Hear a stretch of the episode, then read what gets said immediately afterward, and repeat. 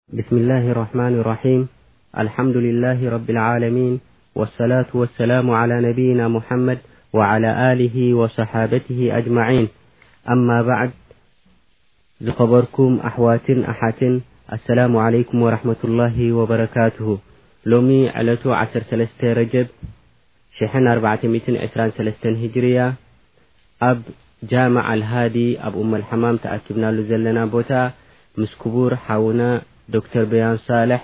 ኣስባብ ኣልኺላፋት ዘውጅያ ወጥሩቅ ሙዓለጀቱሃ ኣብ መንጎ ሓዳር ወይ ድማ ስድራቤት فلل ዘسعب ጠنقታት مድهنت بزبل رእست كنسمع ن ونسأل الله عز وجل ألا يجعل بيننا ولا معنا الخلافت وأن يعصمنا من الفتن ما ظهر منها وما بط كبرت أحوت حجي مድر نحون ዶر بين ح قطፈل فليتفደل مشكورا إن الحمد لله نحمده ونستعينه ونستغفره ونستهديه ونعوذ بالله من شرور أنفسنا ومن سيئات أعمالنا من يهده الله فلا مضل له ومن يضلل فلن تجد له وليا مرشدا وأشهد أن لا إله إلا الله وأن محمدا عبده ورسوله وأصلي وأسلم على النذير البشير المبعوث رحمة للعالمين وعلى آله وصحبه ومن تبعهم بإحسان إلى يوم الدين وبعد ዝኸበርኩም ኣሕዋት ዝኸበርክን ኣሓት ብመጀመርያ ኣሰላሙ ዓለይኩም ወረሕመة ላه ወበረካቱ ቀፂልና ናይ ሎም መዓልቲ ተመሪፁ ዘሎ ኣርእስቲ ብዛዕባ ኣብ ሓደ ሓዳር ዝርከብ ሽግራት ናይዚ ሽግራት እዚ ጠንቅታትን ከመይ ጌርና ኸዓ መድሃኒትን ማእለያን ከም ንረኽበሉ ብዛዕባኡ ክንዛረብ ኢና ኣላ ስብሓን ወተላ ብመጀመርያ ነቲ መርዓ ኣብ መንጎ ወተባዕታይን ጓንስተይትን ክመርዓው ነዚ ነገር እዚ ብሸርዒ ወግዓዊ ክገብሮ እንከሎ ብዙሕ ሕክማታት ነይርዎ ካብቲ ሕክማታቱ ወይ ከዓ ካብቲ ጥበባቱ ደቂ ሰብ ነዚ ዓለም እዚኣ ክሰፍርዋ ስለ ዝተኣዘዙ እዚ ዓለም እዚ ድማ እተ ውላድ ዘይርከቦ እተኣ ኮይኑ በብ ሓደ ክበርሱ ስለ ዝኾኑ እቲ ወለዶ ንክቕፅል ሸሪዓዊ መንገዲ ሒዙ ድማ ወለዶ ካብ ወለዶ እናተመሓላለፈ ንክኸይድ ከምኡ ውን ኣላ ስብሓን ወተላ ንወተባዕታ ይኹን ጓል ንስተይቲ ክፈጥሮም እንከሎ ኣብ ነብሶም ሓደ ዓይነት ስምዒት ገይሩሎም ወተባዕታይ ጓልስተይቲ ንክደሊ ጓልስተይቲ ውን ንወተባዕታይ ንክደሊ እዚ ነገር እዚ ኣብ ነብሶም ባህርያዊ ስምዒት ስለ ዝኾነ ነዚ ባህርያዊ ስምዒት ውን ንኸርውይዎ እንተ ኮይኖም ክልተ መገዲ ኣሎ ማለት እዩ እቲ ሓደ መገዲ መገዲ ናይ ሓራም ክኸውን እዩ እቲ ካልኣይ ድማ መገዲ ናይ ሓላል ስለዚ እታ ናይ ሓላል መገዲ ድማ ኣላ ስብሓን ወተላ ስለ ዝወሰና ንዓ ድማ ናይ መርዓ ጉዳይ ገይሩልና ማለት እዩ ስለዚ ኣብ ሓራም ንኸይትወድቕ ንስኻ ንስኸ ውን ኣብ ሓራም ንኸይትወድቂ ብመርዓ ብሓደ ወግዓዊ ዝኾነ ኣገባብ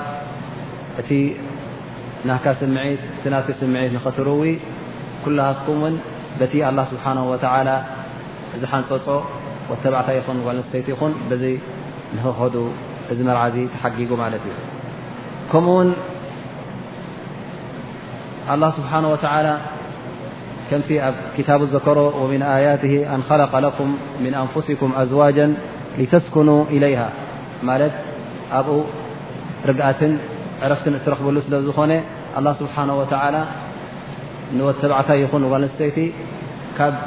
ሓደ ዓይነት ማለት ክልቲኦም ደቂ ሰብ ስለ ዝኾኑ ነንንሕዶም ዝወሃሃዱሉን ከም ሓደ ህይወት ኮይኖም ዝነብሩሉን ከምኡ ኣብ ሓደ ፅላል ናይ ስድራ ቤት ከም ዝነብሩ ገይሩ ኣላ ስብሓን ወተዓላ ስለ ዝኸለቖም ነዚ ነገር እዚ ንክፍፅሙ ድማ እተ ኮይኖም እቲ ሕጋዊ ኣገባብ መርዓ ይኸውን ማለት እዩ እዚ ኩሉ እዚ ናይ ድልት ዊንታን ናይ ወዲ ሰብ ስለ ዝኾነ ነዚ ዊንታ እዚ ንምፅጋብ ድማ ኣላ ስብሓን ወተላ ካብቲ ሓራም ኣርሓቕ ኣቢሉ ሓደ ሸሪዓዊ ዝኾነ ኣገባብ ናይ መርዓ ሓንጢጡልና ኣሎ ማለት እዩ እዚ ክኸውን ከሎ ወተባዕታይ ጓንስተይቲ ተመራዓዮም ክነብሩ ከለዉ ናይ ግድን ኣይኮነን ክልተ ሰብ ሓደ ሰብ ን ሓደ ሓደ ግዜ ምስ ነብሲ እውን የንፀርፅር እዩ ኣነ እዚኣ ነገር እዚኣ ስለምንታይ ገይረያ እዚኣ ዝተጋገ ኢሉ ንነብሲ እውን ተጋግያ ኢሉ የንፀርፅረላ እዩ ስለዚ እንተ ክልተ ሰብ ኮይንኩም ድማ ብዝያዳ እቲ ባእስን እቲ ጎንፅን ክርከብ ይኽእል እዩ ግን እዚ ጎንፂ እዚ ከመይ ጌርና ንፍውሶ ኩሉ ግዜ እውን ንሕና እዚ ጎንፂ እውን ወይ ከዓ እዚ ሽግር እዚ ክርከብ ክንፅበ የብልናን ገና ከምቲ ስድራና ዝብልዎ ውሕጅ ከይመፀካ መገዲ ውሕጅ ፅረ ከም ዝበሃል እስኻ እውን ገና ኣብ መርዓ ከይኣትኻ ከለኻ መርዓ ንክትሓስብ ከለኻ ኣብቲ ሽግራት እቲ ከብፅሓካ ዘይክእል እንታይ እንታይ ገደባት እንታይ እንታይ ስጉምትታት ከም ዘሎ ንክትፈልጥ ናይ ግድን ይኸውን ማለት እዩ እቲ ሽግር ዝርከበሉ ጠንቅታት ብዙሕ እዩ ቀዳማይ ነገር ነዚ ዘምፅእ ነዚ ሽግራት ዘምፅእ ገና ኣብ መርዓ ንክትሓስብ ከለኻ ኣብቲ ምርጫኻ ክኸውን ይኽእል እዩ ማለት እዩ መርፅ ከለኻ ዋልሰይቲ እውን ሰብኣይ መፅዋ ክሓትት እንከሎ ሕራይ ክትብልን እምቢ ክትብልን ከላ ኣብዚ ይጅምር ማለት እዩ ምክንያቱ ገና ኣብ መርዓ ከይኣትኻ ከለኻ ንዓኻ ዝጠቕመካን ዘይጠቕመካን ክፈልጥ ኢኻ ማለት እዩ ከምኡ ውን ኣላ ስብሓን ወተላ ኣረሱል ለ ሰላት ወሰላም ዝሓገጎ ነገራት ኣሎ መን መን እዩ ሕራይልካ ተቕበሎ ንመን ከትመርፅ እቲ ናይ መራርፃ መገድኸ ከመይ ከም ምኳኑ እውን ኣላ ስብሓን ወላ ረሱልን በቲ ዋሓይ ዝመፀና ተሓቢርና ኢና ቀዳማይ ነገር ክትመርፅ ከለኻ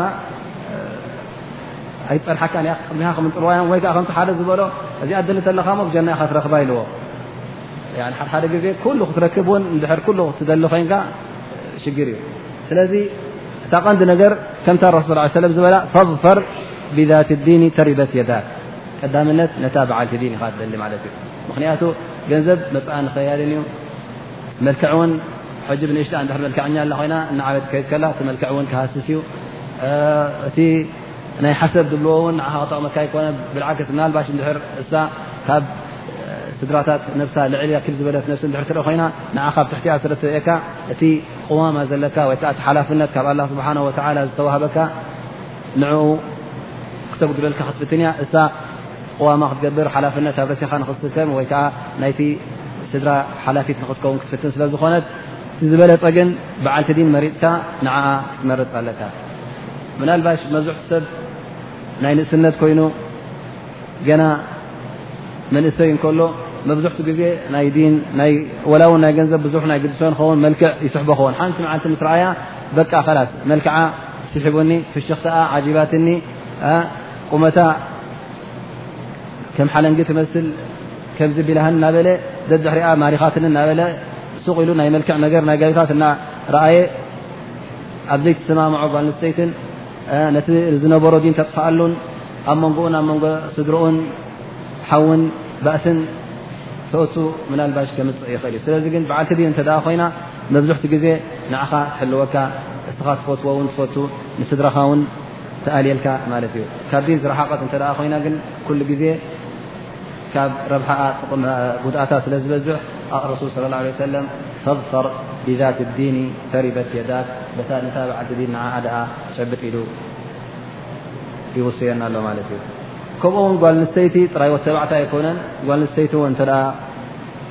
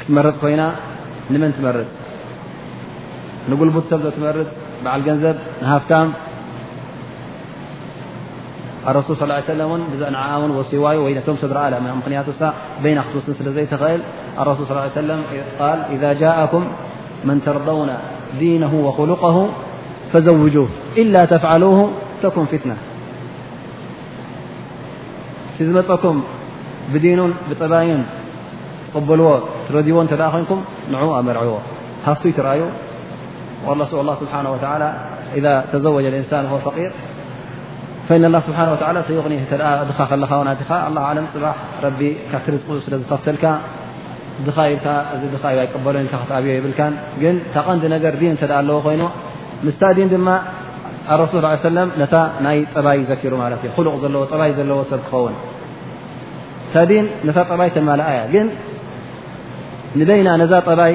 ፍልይ ኣቢሉ ውን ካብታ ዲን ምስታ ዲን ሕውስ ኣቢሉ ዘኪርዋ ምክንያቱ ቀንዲ ንዓኣ ዘገድሳ እቲ ጠባይ ናይ ወዲ ሰብ እዩ ምክንያቱ ሓደ ሓደ ሰብ ውን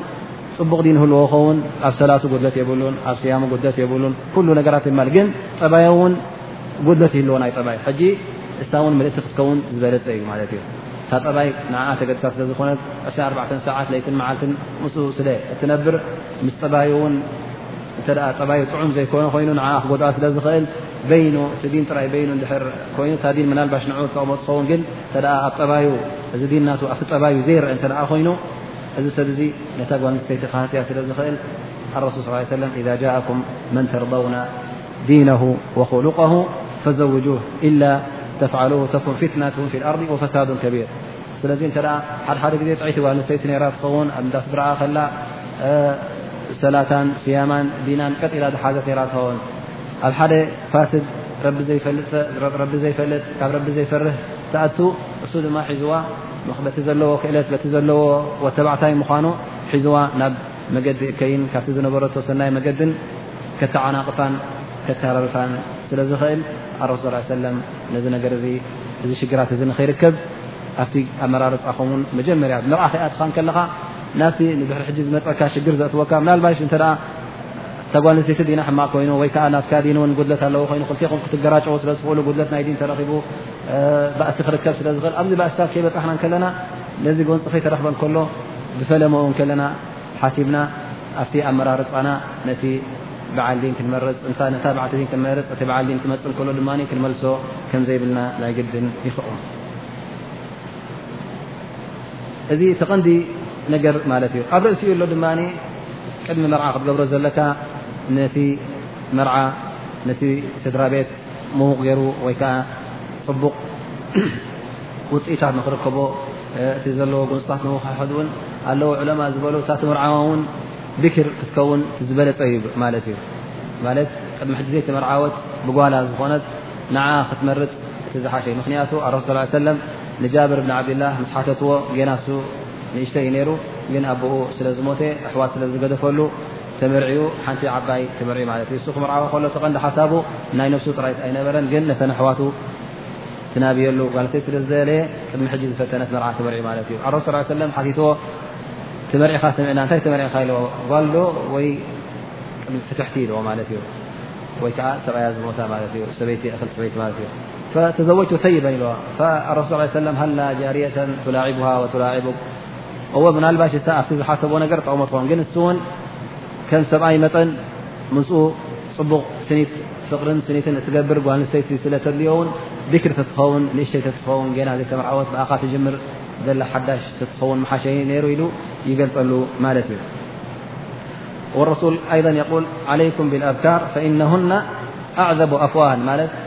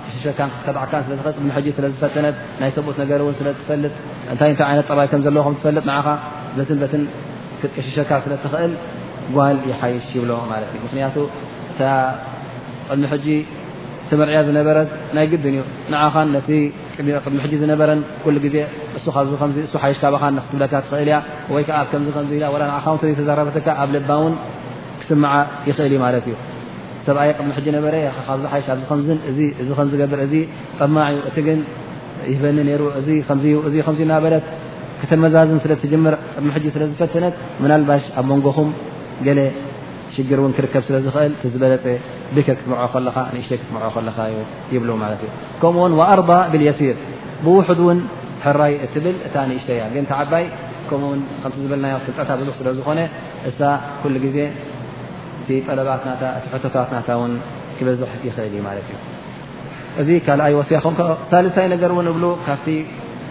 ክትመርፅ ከለኻ ብመጀመርያ ክትሓስበሉ ዘለካ ውን እታ ትምርዓዋ ዘለኻ ገለ ዕለማ ይብሉ ካብ ዘመድ ርሕቕ ዝበለት ክትከውን ኣለዋ ይብሉ እዚ ብዙሕ ጥቕምታት ኣለዎ ይብሉ ቀዳማይ ነገር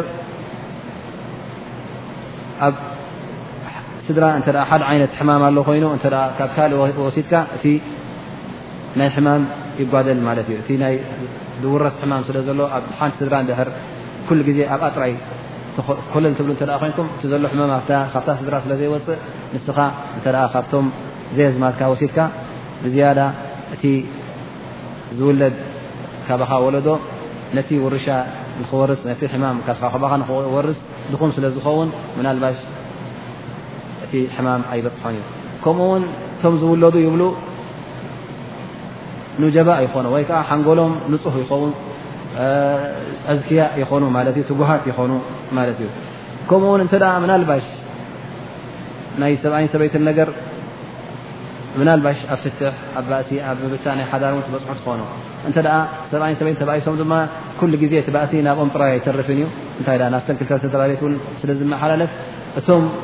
ርሒም ናህካ ዝነበሩ እቶም ቀረባ ናህካ ዝነበሩ ምስኦም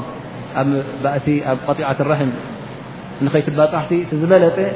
ካብ ርሑቕ ክትመርዖ ይሓይሽ ብ ከምኡ ውን እዚ መርዓ እዚ ንምንታይ ተገይሩ ኣሎ ኣብ መንጎና ዘሎ ርክባት ንኽባዛሕ እስኻ ውን እተ ኩሉ ግዜ ኣብታ ስድራ ኮለል ተዳእትብል ኮይንካ ትርክብካ ኩሉ ግዜ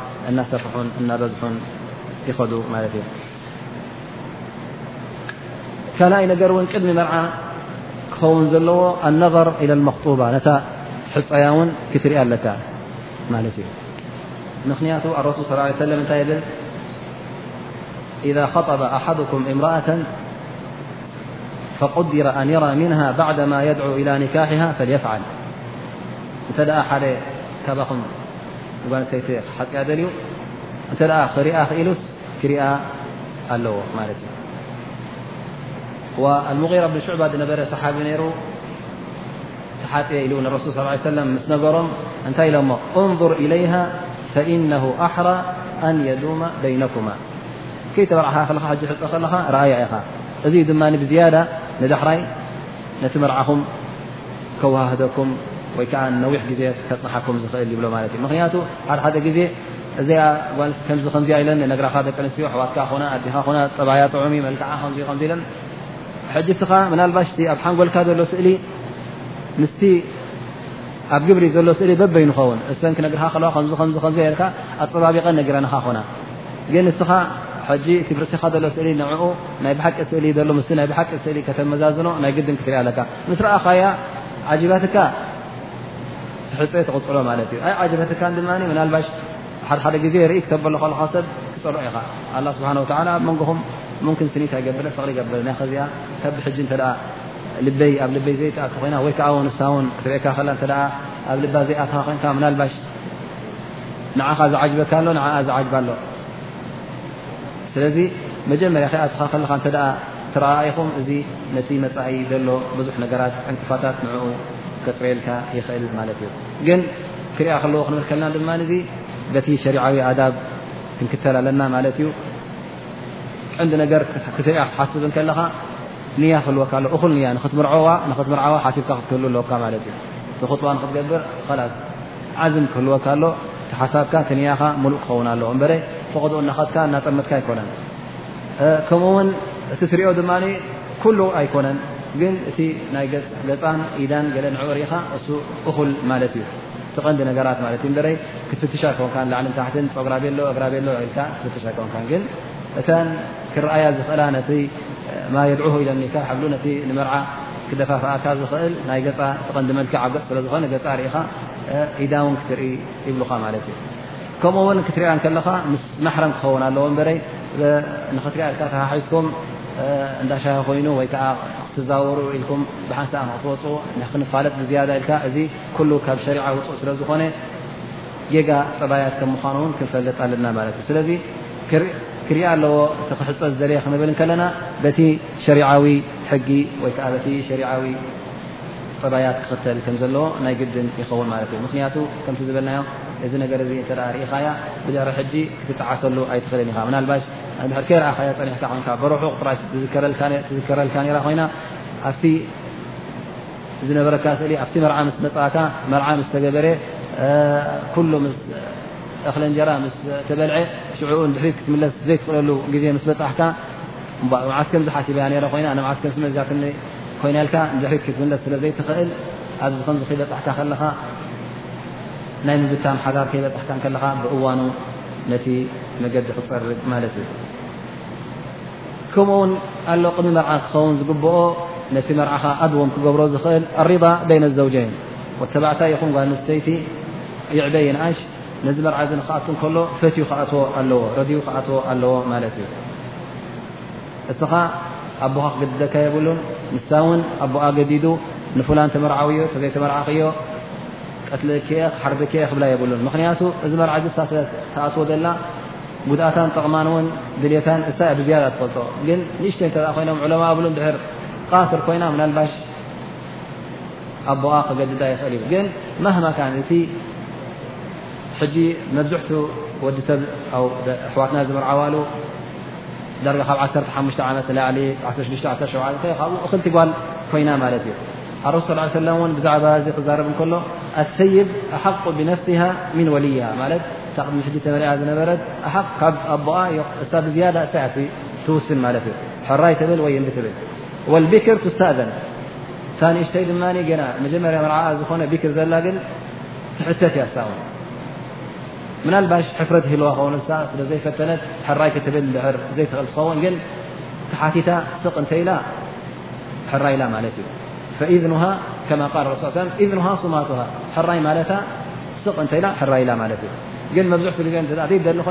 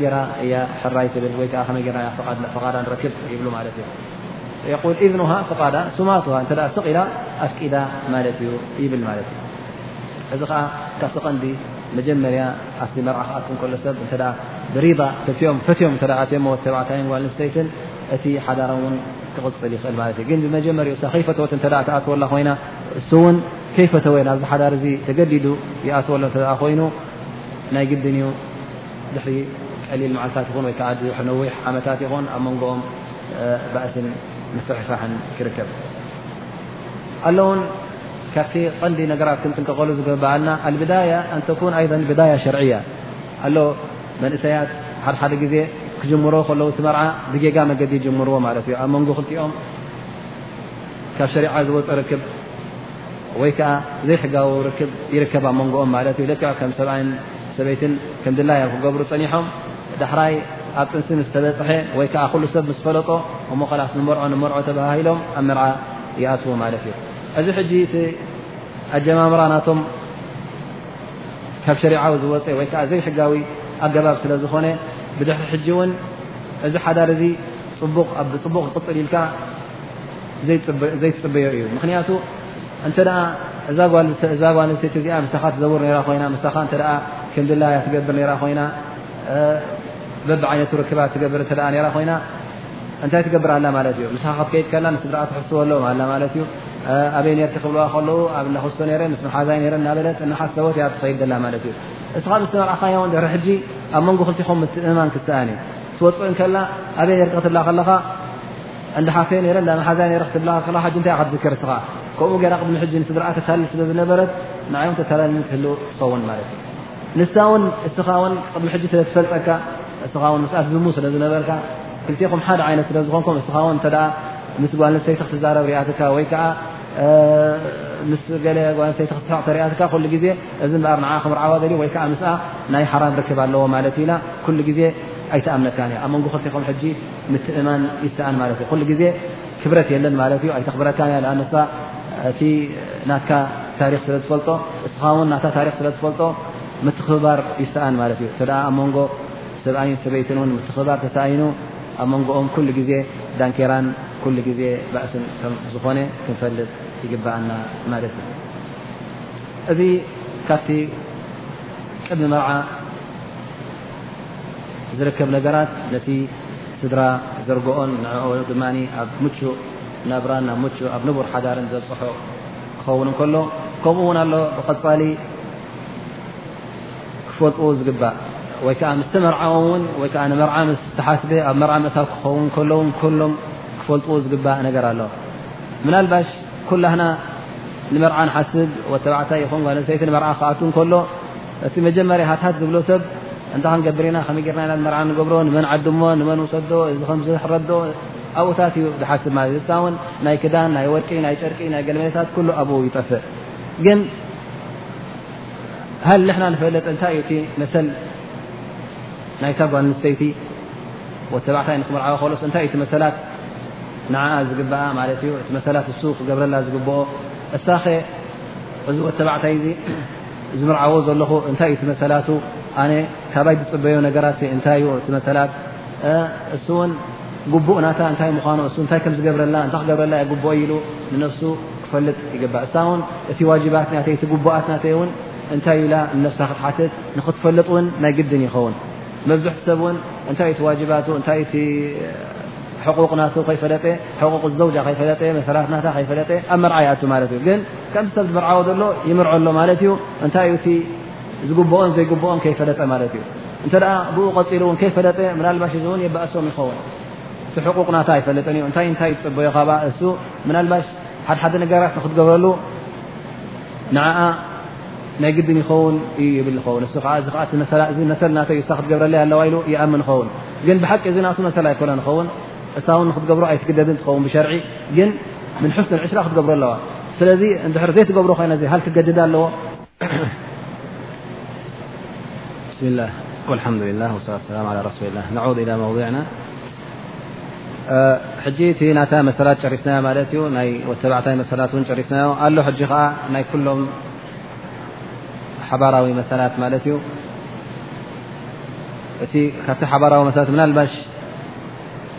ክንጠቕሶ ከለና ምን ሓቂ ዞጅ ኢልና ጠቒስናዮ ዝነበርና እቲ ናይ ነብሳ ንክሓታ ከለዎ ዋጅብ እዩ ክትምእዘዞ ኢልና ነርና ግን ከምኡውን ጓል ንስተይቲ ካብ ተባዕታይ መሰላ እዩ ከም ጉቡእ መጠን ከም ጓንስተይቲ መጠን ድልት ስለ ዘለዋ ንዓኣ ውን ነዚ ድልታ ንኸርውየላ ውን ካብቲ መሰላታ እዩ እተ ዘይቀርባ እተ ኮይኑውን ወላ ቤት መንግስቲ ኸዳ እተ ከዚሳቶ ነቲ ዘሎ ሓዳር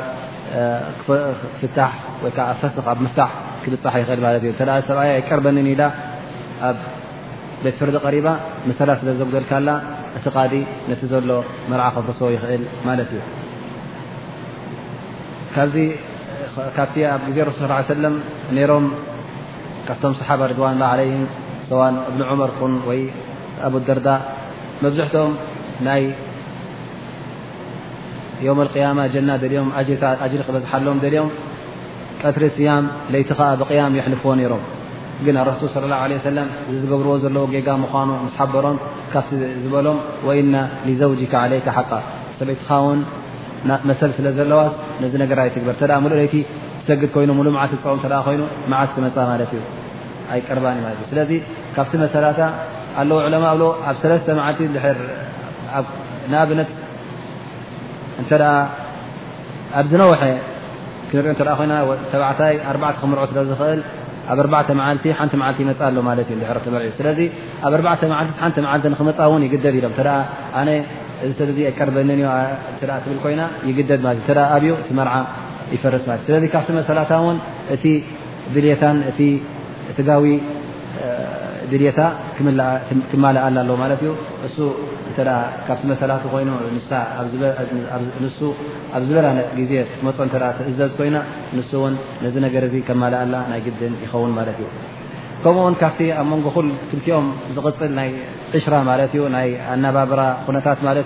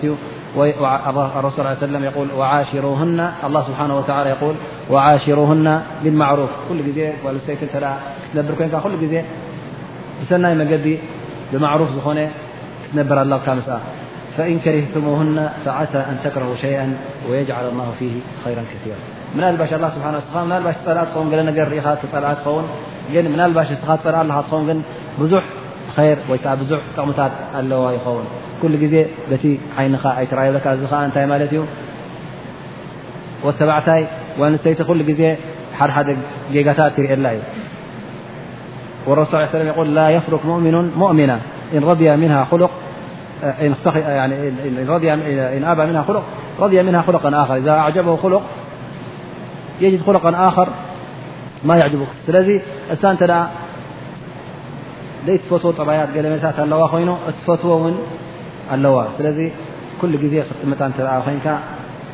ነቲ ሕማቕ ነገር ጥራይ ኣይትጠምት ማለት እዩ ስለዚ ብማዕሩፍ ብሰናይ መገዲ ክትርያ ኣለካ ማለት እዩ ወረሱል ስ ሰለም የቁል ኸይሩኩም ኸይሩኩም ሊኣህሊ ወኣና ኸይሩኩም ሊኣህሊ እቲ ዝበለጠ ሰብ ከባኹም ንምስድርኡ ብሉፅ ዝኾነ ወይ ከዓ ምስኦም ብሰናይ ዝነብር ማለት እዩ ኣነ ነብሲ ማለት ንረሱ ሰለም እቲ ዝበለፅኩ ምስ ስድራይ ዝኾንኩ ኣነ እየ ብለ ማለት እዩ ልክዕ ከምቲ ረሱል ስ ሰለም ዝነበሮ ንክንከውን እቲ ዝበለፀ እዩ ናብኡ ንክንበፅሕ እውን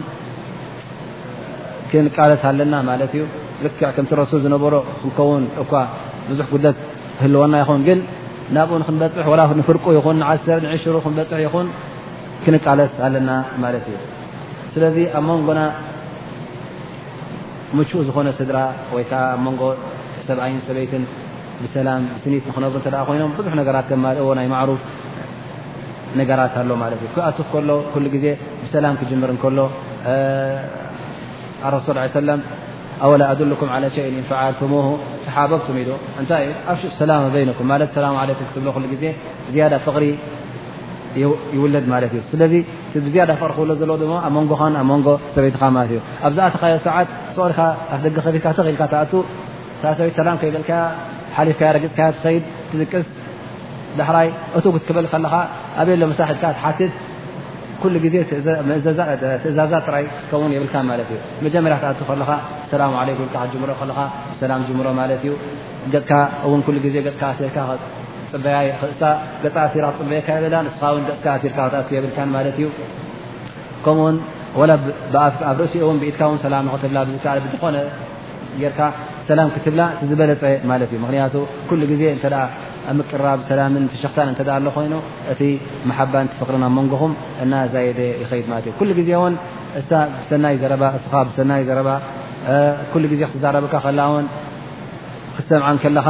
ተገዲስካ ክትሰምዓ ኣለካ ማለት እዩ በረ እሳ ትዛረበካ ከላ እስኻ ጋዜጣ እናንበብካ ካልእ ስራሕ እናሰራሕካ እሳ ብገለ ነገር ተሸጊራ ትህሉ ግን ዘረባ ናይ ኣንስቲ ብዙሕ ኢልካ ተቋርፃ ተብላ ወይ ከዓ ኩሉ ግዜ ክትዛረብ ከላ ሰክቲ ሃተፍተፍ ኩሉ ግዜ እናበልካ ክትመልሳ የብልካን ብዙሕ ትዛረብ ክትኸውን ትኽእል እያ ግን ሰዓታት እውን ትመርፀሉ ትኸውን ፍሉይ ሰዓት ጌርካ ኣብ መንጎኻን ኣብ መንጎኣን ንበይንኹም ኮፍ ትብልሉ ትመያየጥሉን ትዘራረብሉን ኩነታት ናይ ዘለኹም ናይ ደቅኹም ናይ ስድራ ናይ ኩሉ ነንሕትኩም ብዝያዳ ክትላለዩን ክትፋለጡን ኣለኩም ማለት እዩ ኩሉ ግዜ ኣብ መንጎኻን ኣብ መንጎኣን ድማ ጥዑም ዘረባ ክርከብ ኣለዎ ማለት እዩ ክትፅውዓን ከለኻ ድማ በቲ ትፈትዎ ስም ክትፅውዖ ኣለካ መብዝሕትኡ ሰብ ኣለዎ ምናልባት ሰብት ነዚ ስም ክፅውዖ ከሎ ዋላ ብሽመን እውን ኣይፀወን ኣቲ ኢሉ ፅዋዓ ማለት እዩ ኣንቁር ኣቢሉ ገሊኦም እውን ፀርፊ ውስኹ እዮም ኣንቲ ዕውርቲ ኣንቲ ፃሕጋር ኣንቲ ምንታይ እናበለ ስብእነት ትመስሎ ማለት እዩ ኣነ ጓል ንስተይቲ ብትሕትና ይዛረባ ኣነዚ ካብቲ ናተይ ክብረት ካብቲ ናተይ ልዕልነት ስለ ዘውርድ ኣነ ኩሉ ግዜ ሰብኣይ ስለ ዝኾንኩ እቲ ቂዋማ እንታይ ይመስሎ ማለት እዩ ነታ ጓል ኣንስተይቲ ኩሉ ግዜ ብታሕቲ እናረኣየ ከም ድላዩ ክዛረባን ክፀርፋን እደሊ ማለት እዩ ከምኡ ውን ዝፃወት እተ ኮይኑ ኣብ ፀወታ ን ክፃወት ኣሎ ምስ ማለት እዩ ሓ ረሱ ስ ሰለ ኣብ መገሻ ክኸውን ከሎ ምስ ሰይድ ዓይሻ ረ ላ ብጉያ ቀዳደሙ ነይሮም ማለት እዩ እዚ ሓደ ካብቲ ፀወታ ማለት ኣብ ውሽጢ ገዛ ውን እፃወቱ ነሮም ብሓንሳእ ሕፀቡ ብሓንሳእ እበልዑ እቲ ዝበልዖ ነበረ ስጋ ንዓ ዓፅሚ ንዓ ይህቦ ካብኣ ወስድ ስለ ዝነበረ ኣብ ብዙሕ ነገራት ናይ ፀወታ ወይ ከዓ ናይ ሚዛሕ ክርከብ እንከሎ እዚ ብዝያዳ ኣብ መንጎ ሰብኣይን ሰበይትን ብዝያዳ ፍርሳ ኣለዎ ወይከዓ ብዝያዳ ገፊሕ እዩ ማለት እዩ ከምኡ ከኣ ኣብ መንጎ ክልቲኦም ናይ ምምኻር ኩሉ ግዜ እተ ሓደ ነገር ክግበር ኮይኑ ንስድራኦም ንክልቲኦም ዝርኢ ነገር ተ ኮይኑ ኩሉ ግዜ ብምክሪ እተገበርዎ እቲ ዝበለፀ እዩ ኣረሱ ስ ሰለም ኣብ غዝወት ሑደይብያ እተ ክንርኢ ኮይና ነቶም ስሓብ ረሱ ሰለም ኩሎም ንዑምራ ምስ ተኸልከሉ ሕጂ ኸላስ ተላጠዩ እተን ዘለዋኹም ሃድያ ንፅኩመ ዘለኹውን ሕረድዎን ኢልዎም ማለት እዩ ተረኣዮም ኩሎም ሱቅ ኢሎም ዝገብር ኣይረኣየን ማለት እዩ እንተኾይኖም እዮም ዘረባ ምስ ምዓብዮም ኣይጠባዮምን እዮም እዞም ኣስሓባ ኢሉ ንገዛ ተመሊሱ ማለት እዩ ሕጂ ሰበይቶም ፀናሕቲ ኾንካ ኣ ከምዚ ተሻቂልካ ኢላ ትሓቶም ማለት እዩ ወላ ዶ ኣነ ነዞም ብፆተይ ነዞም ሰሓባ ኩሎም ከምዚ ከም ዝገሩ ርእስኹም ላጥ እዩ ተበልክዎም ሕረዱ ተበልክዎም ወላ ሓደ ዘረባይ ዝሰምዕ ስኢና ንኣ ንመጀመርያ ግዜ እንታይ ከም ምዃኑ ሳይፈጥ ክኢለ ሕጂስታ እቲ ስምዒት ናይቶም ኣስሓብ ረሱ ሰለም ፈይጣቶ ስለ ዝነበረት የማኽራ ኣሎ ማለት እዩ እዚኣ ዳ ቀላል እንዳ ኢላቶ ኪድ እስኻ ኢላቶ ነዛ ርእስኻ ላፀያ ብላ ኩሎም ክላፀ እዮም ኢላቶ ማለት እዩ ንስኻ ድማ ሰበይቲ እንታይ ክሊጡኪ ይበላ ዘረብኣ ቁኑዕ ኮይኑ ስለተሰምዖ ዘረብኣ እዚኣ ኮይና ዳ ክራ ኢሉ ዘረብኣ ሰሚዑ ዘረባ ሰበይቲ ሰሚዑ ሕጂ ኣብ ዓድና ወይ ከዓ ሃገርና ዘረባ ሰበይቲ ዝሰምዕ ሰብ ኩሉ ግዜ ቱስቱስ ዘረባ ሰበይቲ ዝሰምዕ እዩ ዝበሃል ጥረፍ እዩ ማለት እዩ እተ ፅቡቕ ምክሪ ትበካ ኮይና ሌሽ ትሰምዕ ኣለካ ዘረብኣ ሰበይትኻ እንድያ ፅቡቕካ ደሊ ሰብ እንድያ ስለዚ ውፅ ኢሉ ኣረሱ ሰለም ከምታ ዝበለቶ እታ ነቲ ላፀዓይ ፅዋዕ ኣቢሉ ንዓላፅየኒ ምስ በሎ ኩሎም ሕጂ ኣረሱ ሰለም ክላፀ ምስ ረኣይዎ ብጉያ ኢሎምኻ ድንጉና ኢሎም ኣረሱል ዝበለና ከይንገብር ኢሎም ሕጂ ሶም ተሓሳቦም ነበረ ኣረሱል ኣይላፀየን ምናልባሽ ተስፋ ኣለዋ እዩ ንመካ ንኣት ንኸው ኢና ዝብል ሓሳብ እዮም ገይሮም ነሮም ማለት እዩ እዚ ስምዕቲ እዚ ድማ ሳ ትፈልጦ ስለ ዝነበረት ኣረሱ ሰለም ድማ ብዙሕ ስለ ዘይዝተባሃለሉ ንኣስኖ ሰማኸረቶም ነቲ ናታ ምክሪ ሰሚዖም ኣብ ግብሪ ዒሎሞ ማለት እዩ ብድሕሪኣ ኩሎም ቶም ኣስሓብ ረሱ ሰለም ላፅዮም ማለት እዩ ከምኡ ውን ካብቲ ኣብ መንጎ ክልቲኦም ክርከብ ዝግብኦ ኩሉ ግዜ ነታ ሰበይቱ ክምጉሳ እሳ ን ክምጉሶ ወይ ከዓ ፅቡቕ ዘረባ ክኸስምዓ ዝገበረቶ ነገር ውሕልልቲ ኢሉ ክውድሳ እሳ ውን ክትውድሶ ናይ ግድን ይኸውን ማለት እዩ ምናልባሽ ኣብ ገዛ ክመፅእ ከሎ እተ ፅቡቕ ብልዒ ገይራ ወላ እውን ፅቡቕ ኣይኹን ፅቡቕ ብልዒ በላ ሌሽ ላ ረሱ ለ ሰለም ማ ዓበ ጣዓመ ቐጥ ዝፀናሓካ ብልዒ ፅዑም ኢልካ ኩሉ ግዜ ክትበልዖ ኣለካ እተዘይ ዓጀበካ እውን ሕማቕ ኢልካ ክተኣብዮ የብልካ ማለት እዩ እተዘይካ ክንፀጊበ ሎ ክልካ ትገድፎ ግን ንዓ እስኺ ድማ ኩሉ ግዜ ብርበረን ተብዛሕ ክሉ ጨው ምስ ነጋሕክዮ ንግሆ ንግሆ ኸላስ ባእስኹም ጥራይ ምስኣ ኸውን ኣለዉ ፍርቆም እንተ ጨው ኣብዚሓትሉ ጨው ወስኽሉ ኢሉ ንዓኣ ብሓይሊ ክብልዓ ዝፍትኑን ኣይሰኣንን ንኸውን ኩሉ ግዜ ኣብ ባእሲን ኣብ ዳንኪራ ይነብሩ ማለት እዩ ግን እተ ኩሉ ግዜ እስኺ ንዓኺ ዝመስል ዘየለ ፀብዕኺ ዝመስል ዘየለ እተ ትብላ ኮንካ ኩሉ ግዜ እሳ እውን እና ኣብ ለፀት እና ኣብ መሓየሸት ከይትኽእል ማለት እዩ ኣረሱ ስ ሰለም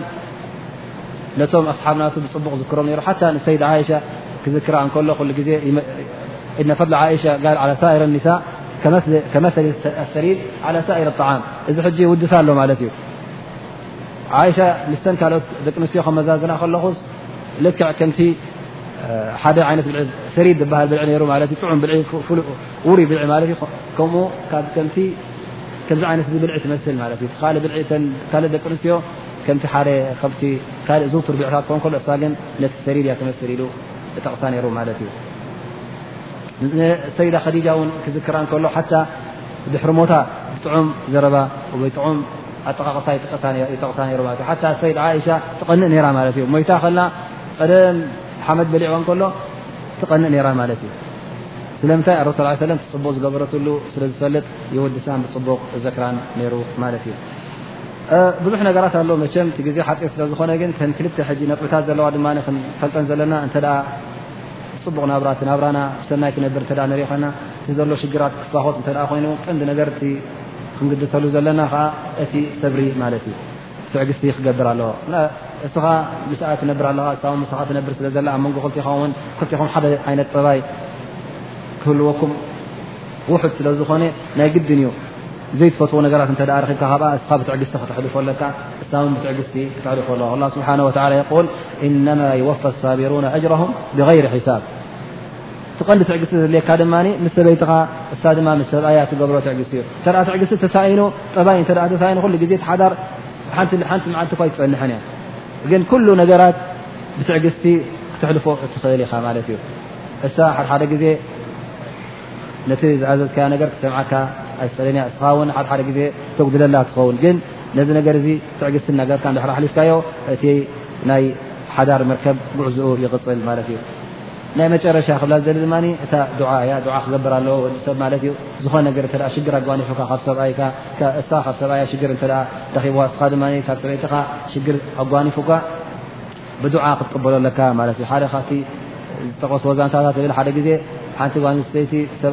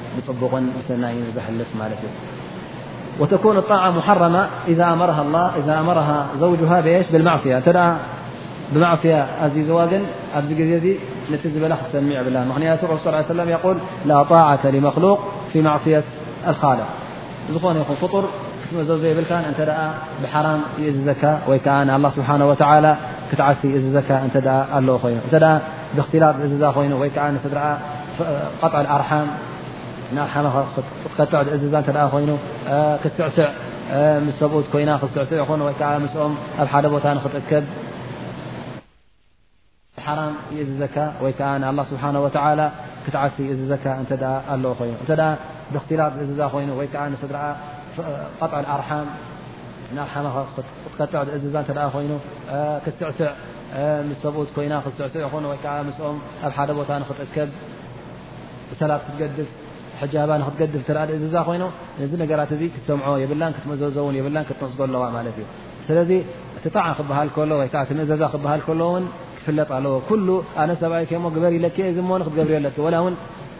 ዝኾረ ይኸሪ ወላ ንዓኺ ይጉዳእኪ ክትብላ የብልካን ማለት እዩ ግን እቲ ዋጅብ ናታ እቲ ኣበያበይ ክትምእዘዘካ ከም ዘለዋ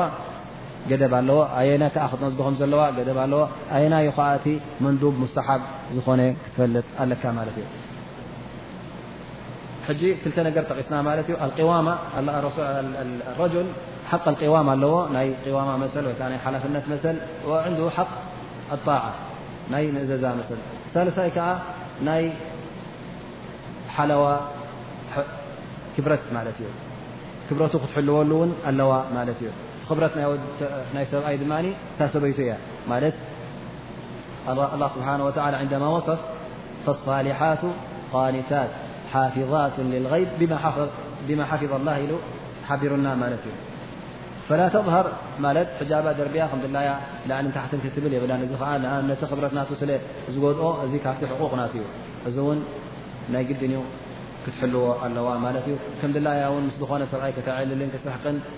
የብላን እዚ ከዓ ምክንያቱ እቲ ክብረት ናይ ሰብኣያ ስለ ዘይሕሎ ዘሎ ክብረት ከ ማለት እታ ሰበይትኻ ስለ ዝኾነት ዝኾነ ነገር እተ ክርከብ ኮይኑ ዝኾነ ፅያፍ ነገር ክርከብ ተ ኮይኑ እሳ እተ ተፀይፋ ንዓኻ ዝትንክፈካ እዩ እተ ሰበይትኻ ሕማቕ ትጥቀስ እተ ኮይና ብሽርሙጥና ይኹን ምስ ደቂ ተባዕትዮ ኩሉ ግዜ ምስኦም እያ ትፃወት ምስኦም ከምዚ ትገብር ፎኳስ ገለ ቀላል ትበሃል እንተ ኮይና ኩሉ ግዜ እዚ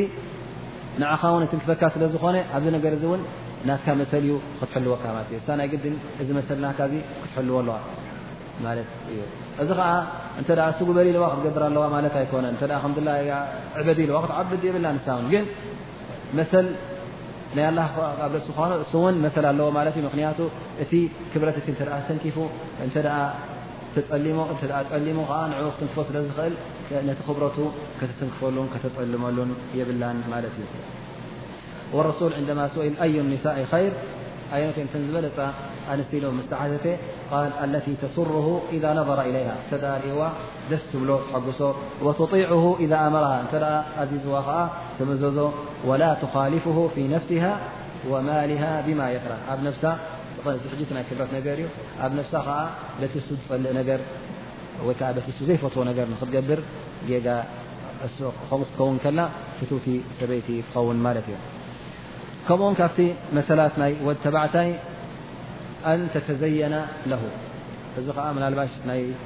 ናትካ መሰል እዩ ኩሉ ግዜ ምክንያቱ እንተ እስኻ ንምንታይ ካ ተመሪዕኻ ዘለኻ ሓደ ካብቲ ሕክማ ዝበልናዮ ካብቲ ሓራም ነገር ክትርሕቕ ኢልካ ኢኻ እተ እታ ሰበይቲ ነብሳ ብፅቡቕ ዘይትሕዝ እተ ኮይና ኣብ ዝኣተኻዮ ሰዓታት ብሕማቕ ጨናን ብሕማቕ መልክዕ ትፀልሓካ እተ ኮይና ንክትቀርባ እውን ደስ ስለ ዘይብለካ ስለዚ እንታይ ትገብረካ ኣላ ማለት እዩ ናብ ሓራም ንክትወድቕን ትደፋፍኣካ ስለ ዘላ ካብቲ መሰላትካ ይጎድል ኣሎ ማለት እዩ እዚ መሰል እዚ ድማ ናይ ግድን እዩ ክትፀባበቐልካን ክትመላእክዓልካን ኣለዋ ምክንያቱ እስኻ ደስ ትብለካ እንከላ እንተ ድልት ኣለካ ኮይኑ ድልትካ ትረክብ ማለት እዩ ኣብ ካልእ እውን ኣይትሓስብን ማለት እዩ ከምኡውን እዚ ነገር እዚ እውን ኢሎም ወላ ጓል ንስተይቲ እውን ወተባዕታይ ማለት እዩ ጓል ንስተይቲ እውን ካብቲ ጉቡኣት እቲ ሰብኣያ እውን ፅቡቕ ክዳን ብፅቡቕ መልክዕ ክትሪኦ እውን ትፈቱ እያ ሓቲ ኣብንዓባስ ረ ላ ን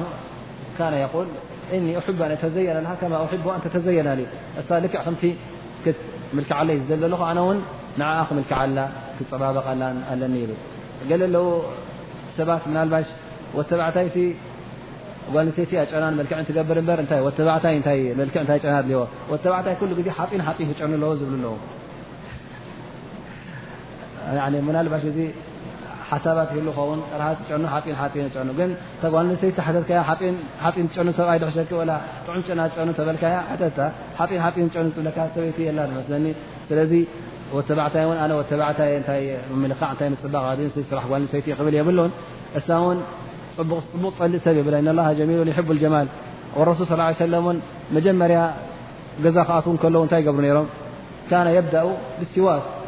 ስለምንታይ ብፅሬት ይጅምር ኣሎ ማለት እዩ ኣብ ጥቓ ሰበይቲ ኮፍ ኢሉ ክዛረብ ተ ኮይኑ ሕማቕ ጨና ኣይትረክብን ማለት እዩ እሳውን እስኻ ውን ፅርያ ፅኒሓትካ ሕማቕ ጨና ኣይት ኣብ ዝኾነ ተቐራሪብኩም ትንፋስካ ትንፋሳን ክረኸቡ ከለውን ሕማቕ ጨና ኣይርከብን ማለት እዩ ስለዚ እስኻ ይኹን ንሳ ነንሕትኩም ንክትፀባበቑ ናይ ግድን ይኸውን ማለት እዩ ካብቲ ሕቁቕ ከኣ ሕሱን ሙዓሸረት ኣህሊ ዞጅ ይበሃል ወይ ከኣ ንስድርኡ እውን ብፅቡቕ ክትሪኦም ኣለዋ ብፅቡቕ ክትናበር ኣለዋ ማለት እዩ ምክንያቱ ሓደ ሓደ ግዜ መብዝሕቲ ግዜ እቲ ሽግር ዝርከብ ምስ ስድራ ምስ ኣደ ምስ ሓማት ስለ ዝኾነ ምናልባሽ ነታ ሓማታ ንክትኸድማ ንክትድላያ ንክትገብረላ ዋጅብ ናታ ኣይኮነን ግን እንተ ንሰብኣያ ትፈቱ ኮይና እዚ ሓዳር እዚ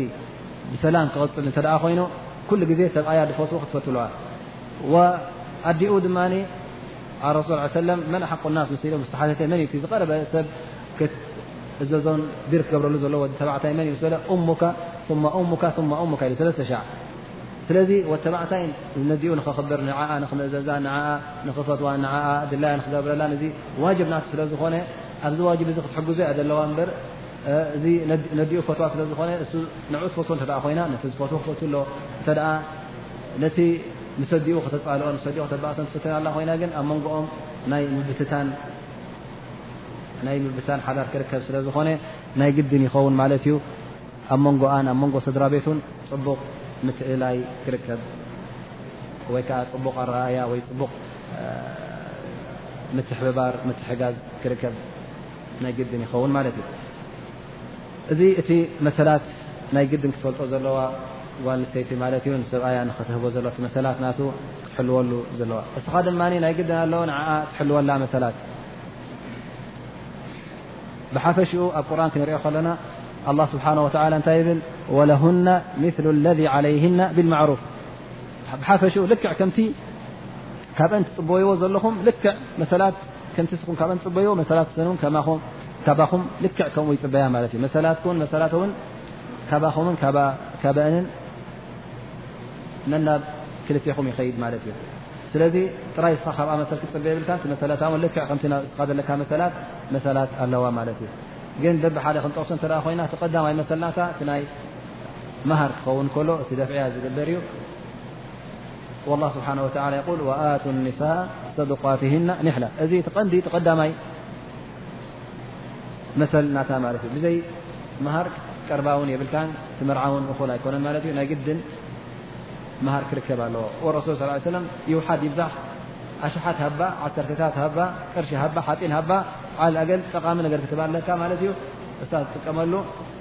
ወረሱ ስ ሰለም እልተምስ ወለው ካተመ ምን ሓዲድ ዩ እቲ ወላ ሓንቲ የብለይን ዝበለ ወላ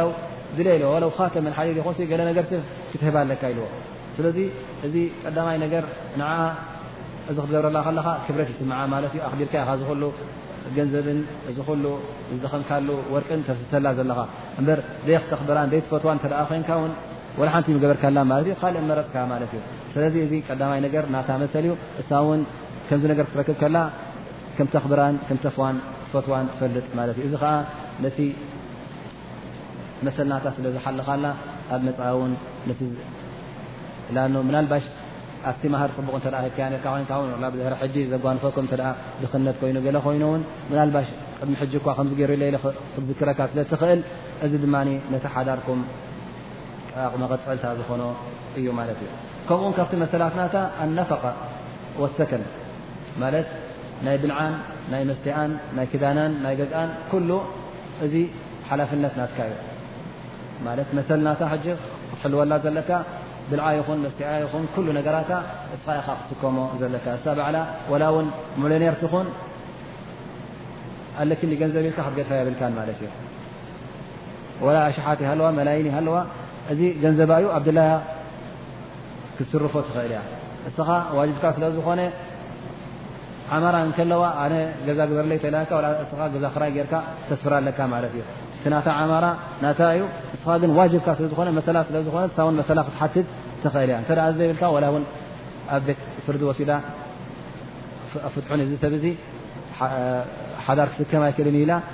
ገዛ የብሉ ክብልዓኒ ይኽእል ኢላ መሰላ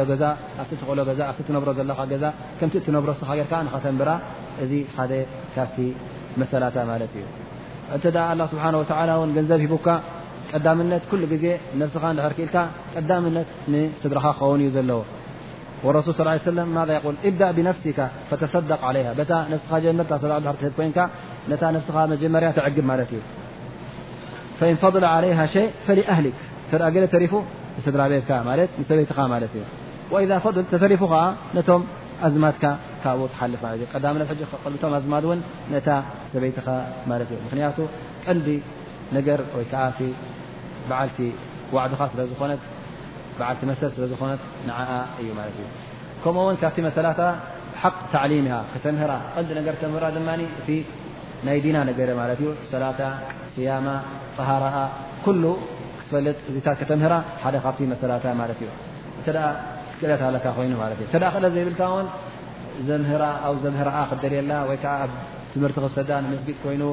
ናይ ሸሪጥ ኮይኑ ናይ ገለ ኮይኑ ኩሉ ከተቕርበላ ኣለካ ምክንያቱ እተ ዲና ዘይትፍልጥ ኮይኑ ትጉድለት ንዓኻ ስለ ዝኾነ እስኻ ውን ክትወፅእን ከይትወፅእን ንስኻ ተፍቅደላ ስለ ዝኾንካ እስኻ ካ ትሕተት ማለት እዩ ስለዚ ናይ ግድን ዩ ከተምህራ ኣለካ ማለት እዩ ዝቐንዲ ተምህራ ከንታይ እዩ ግን እቲ ፈርዲ ዝኾነ ነገር ማለት እዩ እቲ ካልእ ነገራት ተወሳኺ እዩ ግን ቲ ቐንዲ ነገራት ነቲ ዲና ዝሕልወላ ነገር ንኡ ንኸተመርዕዋ ንኡ ንኸተምህራ ናይ ግድን ይኸውን ማለት እዩ ከምኡውን ካብቲ መተላታ ኣብቲ ናይ ቅንኢ ነገር እተ ኮይኑ ሙዕተድል ክትከውን ኣለካ ማለት እዩ ኩሉ ግዜ እቲ ቅንእናትካ ሕሉፍ ቅንኢ ክኸውን የብሉን ክትቀንእ ከለኻ ማለት ራ ክህልወካ እተ ኮይኑ ኩሉ ግዜ ተ ቴሌፎን ኣውዕላልካ ምስ መን ክትዛረብ ዜ ሸ ጥርጠራ ክኸውን የብሉን ማለት እዩ እንተ ዘጠርጥር ነገር ኣሎ ኮይኑ ኣብዚ ግዜ እዚ ናይ ግድን እዩ ጊራ ክትገብር ማለት እዩ እተ ዘጠርጥር ነገር ዘይ ሎ ኮይኑ ሓንቲ ዘይረእኻ ከለኻ ሱቕ ኢልካ ወስዋስ ናይ ሸይጣን መፅ እኳ ኣብ ቴሌፎን ተዛረበቶ ነገር ክወፅኦ ዝበለትካ ነገር ኩሉ ግዜ ክትወፅኦ ናብ ሓፍተይ ክበፅሕ ናብ ሓወይ ክርኢ ገለ ተበለትካ ኩሉ ግዜ ናብ እከይ ነገር ክትጥብዝዞ የብልካን ማለት እዩ ስለዚ